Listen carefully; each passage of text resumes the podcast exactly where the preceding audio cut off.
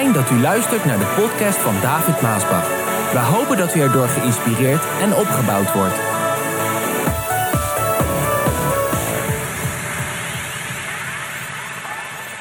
Titel van de boodschap die luidt vandaag: De rol van Rusland in de eindtijd. De Bijbel die vertelt ons dat aan het einde der tijden, zo staat het ook in de Bijbel, zo staat het ook in Ezekiel, aan het einde der tijden, de koning, ofwel de leider van het noorden, zal opstaan met, een, met twee doelen, met een tweeledig doel. Eén, op de troon van deze wereld zitten en deze wereld regeren. En twee, Israël van de kaart vegen en het Joodse volk uitroeien. Dat is het doel van de koning van het noorden. Israël, de enige democratie in het Midden-Oosten, in het hele Midden-Oosten, ga maar op de kaart ook kijken, is altijd en ook vandaag omringd geweest door vijanden. Vijanden die niets liever willen dan Israël en de Joden totaal vernietigen. Dit wordt notabene ook uitgesproken, is zelfs uitgesproken door leiders in het Midden-Oosten. Het antisemitisme dat viert vandaag hoogtij, ook in Europa en luister ook hier in Nederland. Ezekiel, Daniel, Joël, het boek Openbaring hebben duizenden jaren geleden al geprofiteerd over de koning uit het noorden en hoe hij zal optrekken naar Israël. Vandaag zien we dingen gebeuren die nog niet eerder gebeurd zijn. Zijn spannende tijden. En deze wereld is een gevaarlijke wereld geworden om in te wonen. Een van de dingen is dat de koning van het noorden op het wereldtoneel is verschenen. Dat is wat gebeurt. Je houdt, je hoort en je leest elke dag vandaag daarover. Het nieuws gaat elke dag daarover. De kranten ook. Laten we vandaag eens kijken wat de rol van Rusland in de eindtijd is. Dit is wat Ezekiel 38, vers 1 zegt. En voor degenen die dit willen op hun gemak, lees vanmiddag is Ezekiel 38 en 39. Ik heb veel te zeggen, kan het niet allemaal behandelen. Tijd is kort, dus ik neem daar een stuk uit. Ezekiel 38. Luister, dit is een andere boodschap die de Heere mij stuurde, zegt Ezekiel. God zegt tegen Ezekiel, mensenzoon Ezekiel, kijk in noordelijke richting naar het land Magog. En profeteer tegen Gog, de koning van Messig en Tubal.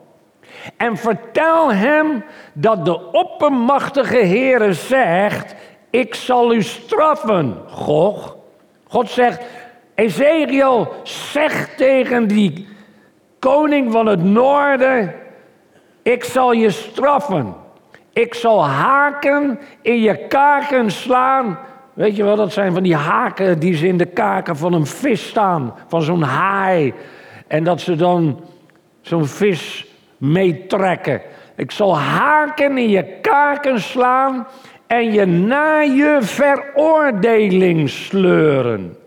En niet alleen jij, niet alleen u, maar ook jouw troepen en je gewapende cavalerie, je bondgenoten. Een machtig leger met grote en kleine schilden tot de tanden toe bewapend, gewapend. Perzië, Ethiopië, Put, dat is Libië, zullen daar met al hun wapentuig ook bij zijn. Evenals Gomer met zijn horde, hè, zijn bende. En de legers van Togarma uit het verre noorden. Nog vele anderen zullen daarna hun voorbeeld volgen. Gog en Magog. Gog is de koning, wat een naam. En Magog is het koninkrijk, zoals Farao en Egypte. Dan begrijp je dat. Je had Farao, je had Egypte, je hebt Gog en je hebt Magog. Magog is het noorderland wat vandaag Rusland heet. Het is ook helemaal in het noorden. De Bijbel die noemt Rusland ook de beer. Als je kijkt naar de kaart, dan lijkt het ook op een beer. Zo'n land. Je doet er zeven uur over met het vliegtuig om van de ene naar de andere kant te gaan. Ik ben benieuwd hoe lang met het vliegtuig van uh, Groningen naar Limburg. Dit is een muggenstipje Nederland. Dat is zo'n land. Het lijkt op een beer die op een zekere tijd, zegt de Bijbel, weer sterk wordt. De beer die verliest zijn kracht, was groot, verliest zijn kracht en dan wordt hij weer sterk. En dat gebeurt allemaal aan het einde der tijden. En dan zou ik je wat historie moeten geven. Als de tijd is, zal ik het nog doen straks. En de profeet Ezekiel, die wordt hier door God opgedragen om tegen die leider van Rusland te profeteren en te zeggen dat God tegen hem is. God is tegen die leider van Rusland, het land uit het noorden. Dat wil zeggen, God ziet niet alleen Israëls vijanden van vroeger, maar God ziet ook Israëls vijanden in de toekomst. Ja, God weet alle dingen. Prijs de Heer. En God laat al die vijanden weten dat hij tegen hen is. Hij was ook tegen die vijanden in het Oude Testament. Hij is ook tegen de vijanden in, het, in de toekomende tijd. God vertelt ons hier door de mond van Ezekiel hoe hij met Rusland zal gaan afrekenen. Wonderbaarlijk boek. Laten de mensen alsjeblieft niet zeggen dat is een oud bollig boek en heeft niks te betekenen. Alles staat hierin. Alles. Maar dan ook alles. Het verleden, het heden en de toekomst. Prachtig boek. Och, en het is juist dat de leiders geen kennis hebben geen kennis hebben van deze zaken. Maar het staat allemaal in de Bijbel en het zal ook zo gaan zoals God heeft gezegd in zijn woord. De Bijbel die vertelt ons hier dat voordat Rusland, voordat Rusland tegen Israël zal optrekken, dat God haken in de kaken van Rusland zal leggen. Dus nog voordat het gaat optrekken, dan legt God haken in de kaken van Rusland. Om ze naar het Midden-Oosten te slepen, te trekken, te brengen. En dit zegt God, lieve mensen, is belangrijk. Ik hoop dat je het interessant vindt. Het is belangrijk dat we kennis hebben van deze zaken. Daarom wil ik er graag over spreken. En dat voel ik ook dat de Heer dat wil. Dit zegt God omdat Hij niet wil dat Israël, wanneer het straks heel spannend gaat worden voor ze en eng gaat worden voor ze, dat Israël met Rusland gaat schikken om er tussenuit te komen. Voordat dat grote gevaar komt. Nee, lieve mensen, God wil dat Rusland zal optrekken. God wil dat. Zodat God zelf Rusland kan oordelen. Veroordelen. Straffen. En ermee afrekenen. God trekt Rusland naar zijn veroordeling. Eigenlijk zegt God hier tegen Israël: wees niet bang. Wees niet bang. Dit moet gebeuren. Maar alles komt goed. Eigenlijk zegt God dat ook vaak tegen jou en mij met al die dingen in ons leven. Wees niet bang. Er zijn dingen die moeten gebeuren. Maar vertrouw op mij, alles komt goed. Alles komt goed. Ja, ik weet dat Jessie dat vroeger ook zei. Wanneer ik het wel eens moeilijk had, dan zei pap, alles komt goed.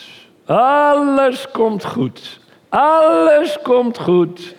Alles komt goed. Wat een heerlijkheid. De Bijbel die vertelt ons verder dat Rusland niet alleen zal optrekken, maar met vele bondgenoten. Een van die bondgenoten is, ja, hoe kan het ook anders, Iran. Dat verschrikkelijke duivelse Iran. Met die duivels aan de macht daar. Kijk naar hun ogen, dan zie je de duivel. Onvoorstelbaar. Allemaal tot de tanden toe gewapend. Met Rusland als hun bevelhebber. Israël zal helemaal niet opgewassen en in het geheel niet opgewassen zijn tegen dit machtige leger. Alleen Rusland heeft al een groot leger. En dan, ja, Oekraïne is een stuk groter dan uh, Israël hoor. Israël is helemaal een muggenstip. Heel klein strookje land en dan dat machtige leger. Maar God zal zich betonen als een vurige muur en een beschermer van zijn volk. Wat een heerlijk iets. God laat in dit alles zien dat hij deze machtige vijand zelf tegen zijn volk brengt. Onvoorstelbaar. En vol overmoed zullen ze optrekken. En ze zullen zeggen: laten we buit maken. Laten we buit maken. Maar zij kennen de gedachten van God niet, lieve mensen. Ze kennen gewoon de gedachten van God niet. Ze weten niet wat de Bijbel zegt. Ze kennen de gedachten van God niet. Het is raar om te bedenken dat God niet alleen zijn vijanden doet laten optrekken naar zijn volk. Dat, dat is al raar dat God zelf dat machtige leger naar zijn volk doet laten optrekken. Hij is degene die kaken slaat en ze daarheen trekt. Dat is raar als je daarbij denkt. Maar ook nog eens dat hij hun helpt. Om zichzelf naar het Midden-Oosten te brengen. Met die haken en die kaken. Dat is, dat is raar als je daarover nadenkt. En als je eenmaal gaat begrijpen waarom God dit doet, als je deze dingen waar ik vandaag over spreek, als je die gaat begrijpen, dan ga je daar ook amen op zeggen. Dan ga je ook zeggen, nou ik begrijp het en dan zeg ik amen op. Lieve mensen, God gaat dit allemaal doen om deze wereld te laten zien dat Hij de levende God van Abraham, Isaac en Jacob en Israël is. Daarom gaat Hij dit allemaal doen. Hij doet het niet voor de lol of zomaar. En, en vaak zeggen we, ja, waar is God? Maar, nou, God komt nog. Hij gaat laten zien wie Hij is. Aan de hele wereld. Met andere woorden, God brengt zijn volk in groot gevaar, in grote ellende, om vervolgens met de eer te strijken door hun machtig te verlossen van dat hele grote leger tot de tanden toe bewapend. Rusland en zijn bondgenoten zullen volledig vernietigd worden. Net als de Egyptenaren bij de Rode Zee. God bracht dat hele volk in benauwdheid voor de Rode Zee. En toen het tijd was, opende hij de weg. En het volk ging er doorheen. En toen de vijanden, dat hele leger kwam, liet hij het water op de vijanden en hij vernietigde ze allemaal. Lieve mensen, de geschiedenis herhaalt zich. Ezekiel 38, vers 23 zegt: op die manier zal ik mijn grootheid en heiligheid tonen en mijn naam eer aandoen. Op die manier gaat God dat doen. Op diezelfde manier zal God aan het einde der tijden afrekenen met de zonde en met het kwaad. Met de boze, de duivelen. Ezekiel 39, vers 7 zegt het zo. Zo zal ik mijn heilige naam bekendmaken onder mijn volk Israël. Ik zal niet langer toelaten dat het wordt beledigd. Er komt een tijd, dan laat God dat niet meer toe, mensen. En ook de volkeren zullen weten dat ik de Heere ben, de Heilige van Israël. God gaat het laten zien. Reken maar. Wanneer je alles in goed perspectief ziet, dan zie je heel duidelijk dat niet Rusland en zijn bondgenoten centraal staan, maar de levende God. De levende God zal centraal staan. God is in dit alles de meerdere, niet Magog. God is in dit alles de meerdere, niet Gog. En niet al die bondgenoten. God is degene die God, die Gog juist uitlokt. Hij lokt ze uit. Hij lokt ze naar het Midden-Oosten. Kom, push, push, kom maar. Kom maar, kom maar, kom maar, kom maar, kom maar. Ja, maar zo, dat is wat, wat er bedoeld wordt. Kom maar, kom maar, kom, maar, kom maar, kom maar, kom maar, kom maar. Kom maar, kom maar. Hij lokt ze, hij lokt ze uit. En wanneer God toehapt, kom maar, kom maar. Wanneer God toehapt, gebruikt God dat om Rusland op het wereldtoneel te trekken. Waarom? Zodat God zijn plan in vervulling kan doen laten gaan. Maar Gods plan gaat in vervulling. Wat we vandaag zien en wat er gebeurt in de wereld, maar vooral nu in het noorden, is een verdeling van krachten en machten in de hele wereld. Er zijn krachten en machten. Europa, China, Amerika, Rusland, het zijn machten en krachten. En er is een verdeling gaande, je zou zeggen een shift of time, verdeling gaande in machten en krachten. Wie uiteindelijk wiens bondgenoten zijn. Dat is eigenlijk wat er gaande is. Wie uiteindelijk wiens bondgenoten zijn. Wie samen gaan. En als alles zich steeds meer ontvouwt, zullen we ook steeds meer zien dat God de koning der koningen en de heer der heerscharen is. Dat ga je steeds meer zien. En alles gaat volgens het plan van God. Dat wil zeggen, het lot van al Gods vijanden ligt in Gods hand. Dat is waar het ligt. En het mooie is, alles is voorspeld. Het is allemaal voorspeld. Of het nu Amalek is, grote vijand van het volk van Israël. Of het nu Egypte is, de Filistijnen, de Moabieten, de Kanaïten. Of al die Iten, er zijn heel wat van die Iten. Of dat het nu de Palestijnen zijn. Of dat het Syrië is. Of dat het Iran is. Of dat het Rusland is. Of D66 hier in Nederland. Ja, of, eh, of al die partijtjes waar dat communisme nog zo. Uh... Vergis je niet, hè? Welke vijand van God en zijn wetten dan ook. Want die hebben we ook in Nederland. Ook in de overheid. Geen nood.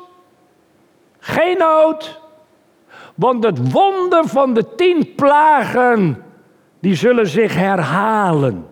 Waarmee God de grootheid en heiligheid van zijn wezen zal laten zien. En iedereen, luister, iedereen die zijn of haar God op één lijn heeft gezet met de levende God van Abraham, Isaac en Jacob, zal tot onnuchtering komen dat hun God slechts een afgod is. En niks doet. Praat niet, spreekt niet, hoort niet. Niks, helemaal niks, dood. Laat ik dit zeggen. Je wilt, als al die dingen gebeuren waar we het over hebben, niet in de schoenen van die mensen staan. Dat wil je niet. Vraag. Waarom Jeruzalem? Waarom?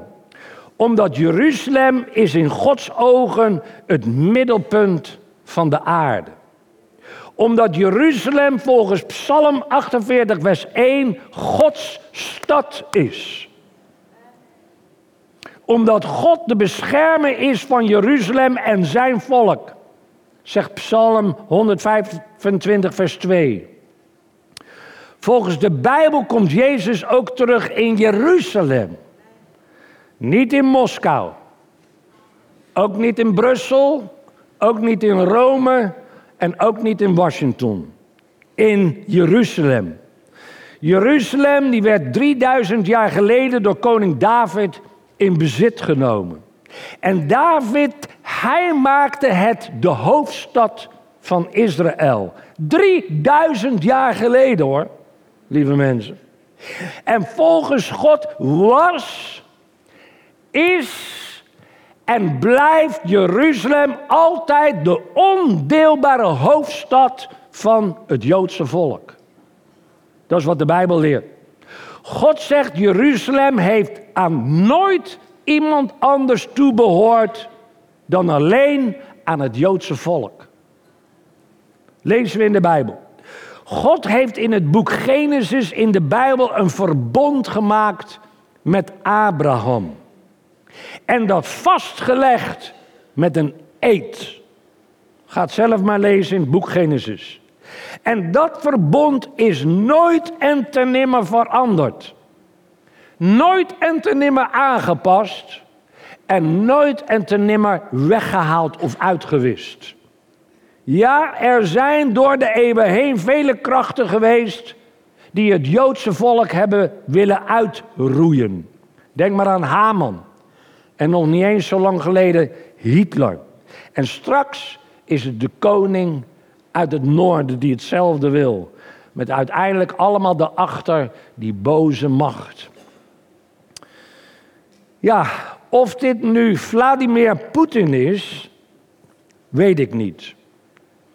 Ik denk het niet als ik de tijdsframe bekijk. Maar je weet het nooit.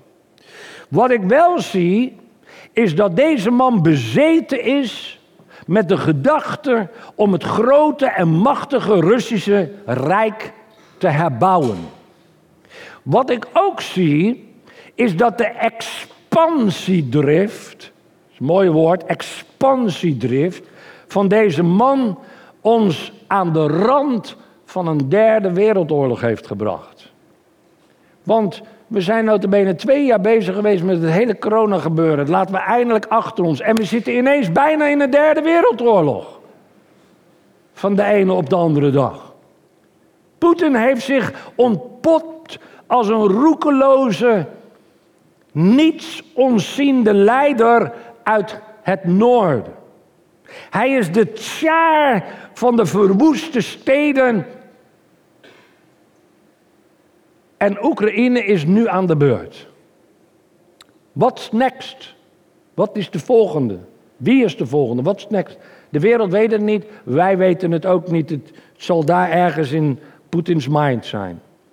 Voor de jongere generatie is het goed om te weten dat het Russisch imperium altijd, luister jonge mensen, ook via de social media kanalen, want jullie hebben helemaal nooit deze, we hebben dit nooit meegemaakt, allemaal niet, maar de jonge mensen helemaal niet.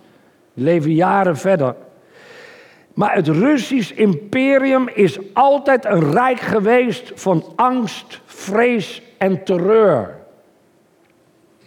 De oude Russische tsaren die traden altijd op precies dezelfde wijze op als wat Poetin nu doet. Lees de geschiedenis maar. En hun motto is doden en onderwerpen. Dat is, zie je nu ook gebeuren. Doden en onderwerpen. Poetin voldoet aan alle kenmerken van een tiran. en een despoot. Hij is vreed, gedreven door leugens, niets omziend en heerzuchtig. En ik zou eigenlijk willen zeggen, die moedige held die hem vandaag tegenstaat, tegen hem opstaat, komt niet uit Frankrijk, Nederland, Duitsland of Amerika, maar het komt uit de Oekraïne zelf. Het is die democratisch gekozen president Volodymyr Zelensky. Een man die nog niet zo lang geleden gewoon komiek was op tv. Die staat op tegen dat machtige rijk. Met een groot leger. Heb je hem horen praten? Dat de Oekraïners vandaag door de meest afschuwelijke horrortijd van hun leven gaan. Als je de beelden ziet, het is gewoon, soms moet je de tv uitzetten. Het is gewoon verschrikkelijk om dat te zien met al die kinderen. Lieve mensen, dat doet Poetin en de machthebbers in Rusland niks. Echt, het doet hun niks. Zij hebben geen empathie. Dat is een mooi woord, empathie. En ze kunnen zich geen voorstelling maken van de ellende van een ander. En dat, lieve mensen, of je het weet of niet, maar is de echte geest achter het communisme. Denk er maar aan als je gaat stemmen aanstaande week. Poetin voelt geen medelijden. En het verdriet en de angst van de Oekraïners voelt hij ook niet. En trouwens van zijn eigen volk, al die jaren, voelt hij ook niet. Het raakt hem niet. De Russen die zijn door de jaren heen lam geslagen, monddood gemaakt. En dat is precies de oorlog die hij al heel lang wilde. De Oekraïners die tellen hun doden. Vele doden. Europa die zet vluchtelingenkampen op. En de strijd is begonnen. Een tijd van scheuring, onzekerheid, angst, vrees en een permanente dreiging. 70 jaar na de Tweede Wereldoorlog is een feit in Europa, hè? Vlak bij ons, niet ver weg. En de geschiedenis herhaalt zich, alleen erger. Nou, in dit licht van dit alles vind ik dat de politieke leiders in Nederland, en vooral die linkse politieke leiders, hypocrieten en huigelaars, wil ik ook gezegd hebben. Nu het kalf verdronken is en er oorlog is, wil men ineens dat defensiebudget drastisch verhogen. Moet, moet ineens moet het omhoog. En toen president Trump dit opperde, toen hij president was, en u weet hoe ze niks van hem te maken moesten hebben met wat hij ook zei, maar toen president Trump dit opperde over het NAVO-budget, waar we allemaal aan moesten voldoen, werd hij afgebrand en neergesabeld. Het land was te klein. En oh, al die linkse partijen en ook al die linkse talkshows. Ik weet niet of je het nog een beetje kan herinneren. En die zogenaamde linkse kwaliteitskranten. Trouw, Nederlands Dagblad, noem maar op. Het was Piet Hoekstra. Ken je die nog? Piet Hoekstra, de ambassadeur onder Trump, die ons waarschuwde voor de gasdeal met Rusland. En dit is wat hij zei op tv. Hij zei: Jullie geven hiermee Rusland de macht om jullie gaskraan dicht te draaien wanneer het hun uitkomt. Lieve mensen, ons defensieleger staat al lang op een hopeloze achterstand. En trouwens, de ChristenUnie heeft hier ook mee te maken. Laat ik dat dan ook maar gelijk erbij gooien, want zo is het. Die linkse partijen willen dat wij afstand nemen van de Amerikaanse kernwapens. Ze willen dat wij ons onttrekken aan onze gedeelde verantwoordelijkheid, want dat is het als NAVO-land. Ik zou er nog meer over kunnen zeggen wat hun gezegd hebben, hoe het defensie uitgekleed moest worden en het geld daarvoor voor allerlei andere zaken gebruikt moet worden van al die linkse hobby's. Zij zijn het die de koning van het noorden helemaal in de kaart spelen. Het zijn blinde leidslieden. Dat is wat ze zijn. Blinde leidslieden. En dat blijven ze.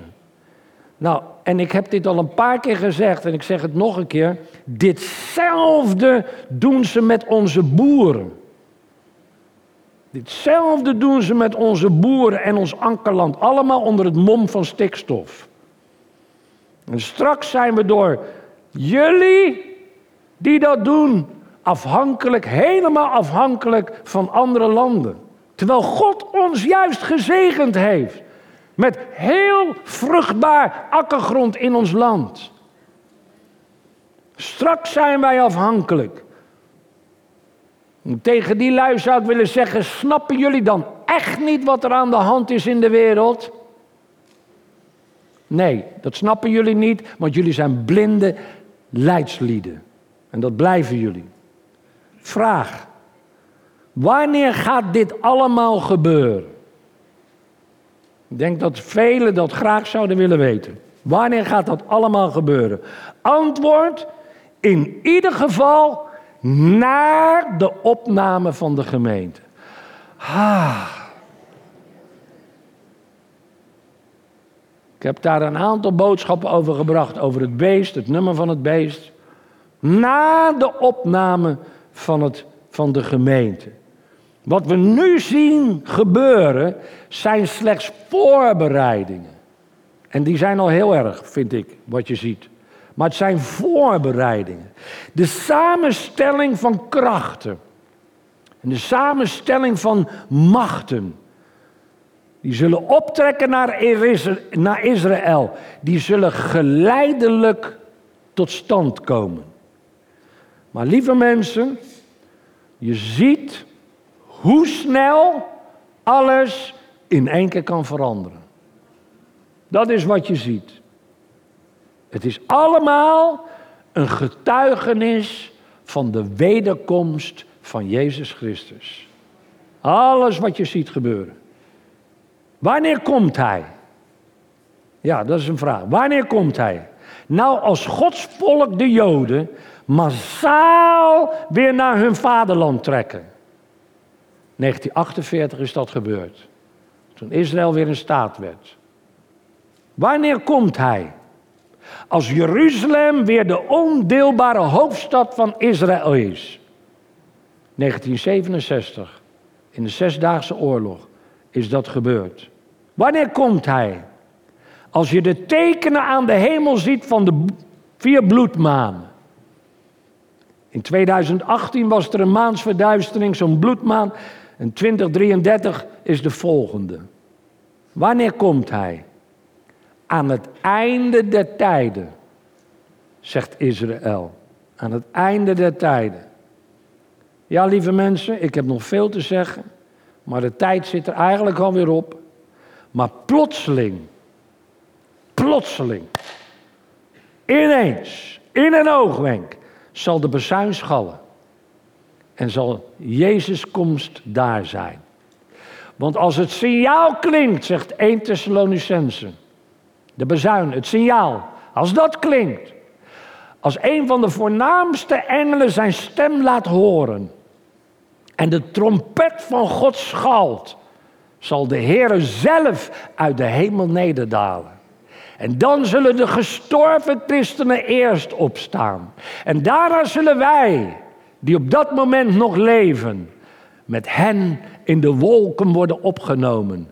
Om de Heer in de lucht te ontmoeten en altijd bij Hem zijn. Amen. God van opwekking, hoor ons gebed. In uw machtige naam, o Heer, wees ons genadig. Vergeef onze zonden. En zend ons een stroom van zegen, Heer. God van opwekking, zie ons hart. En was het rein door het bloed van het lam. Laat door het branden van uw heilig vuur ons geweten geheel en al gereinigd zijn. God van opwekking, Maak ons één in het werk dat u ons gegeven heeft te doen. Help ons bidden en vol te houden tot het eind. God van opwekking, u heeft ons lief en bent liefde zelf. Herstel in ons hart de blijdschap, vreugde, vrede en de rust. Stort uw geest uit zoals voorheen en sterk ons hart, o Heer. God van opwekking, schenkt ons alstublieft dit, dat u zondaars redt, gebondenen bevrijdt en zieken geneest. Ja, Heer, maak ons getuigen van uw trouw en uw grote kracht. Maar bovenal, hoor vandaag ons oprecht gebed. Oh, amen. Dank u, Heer.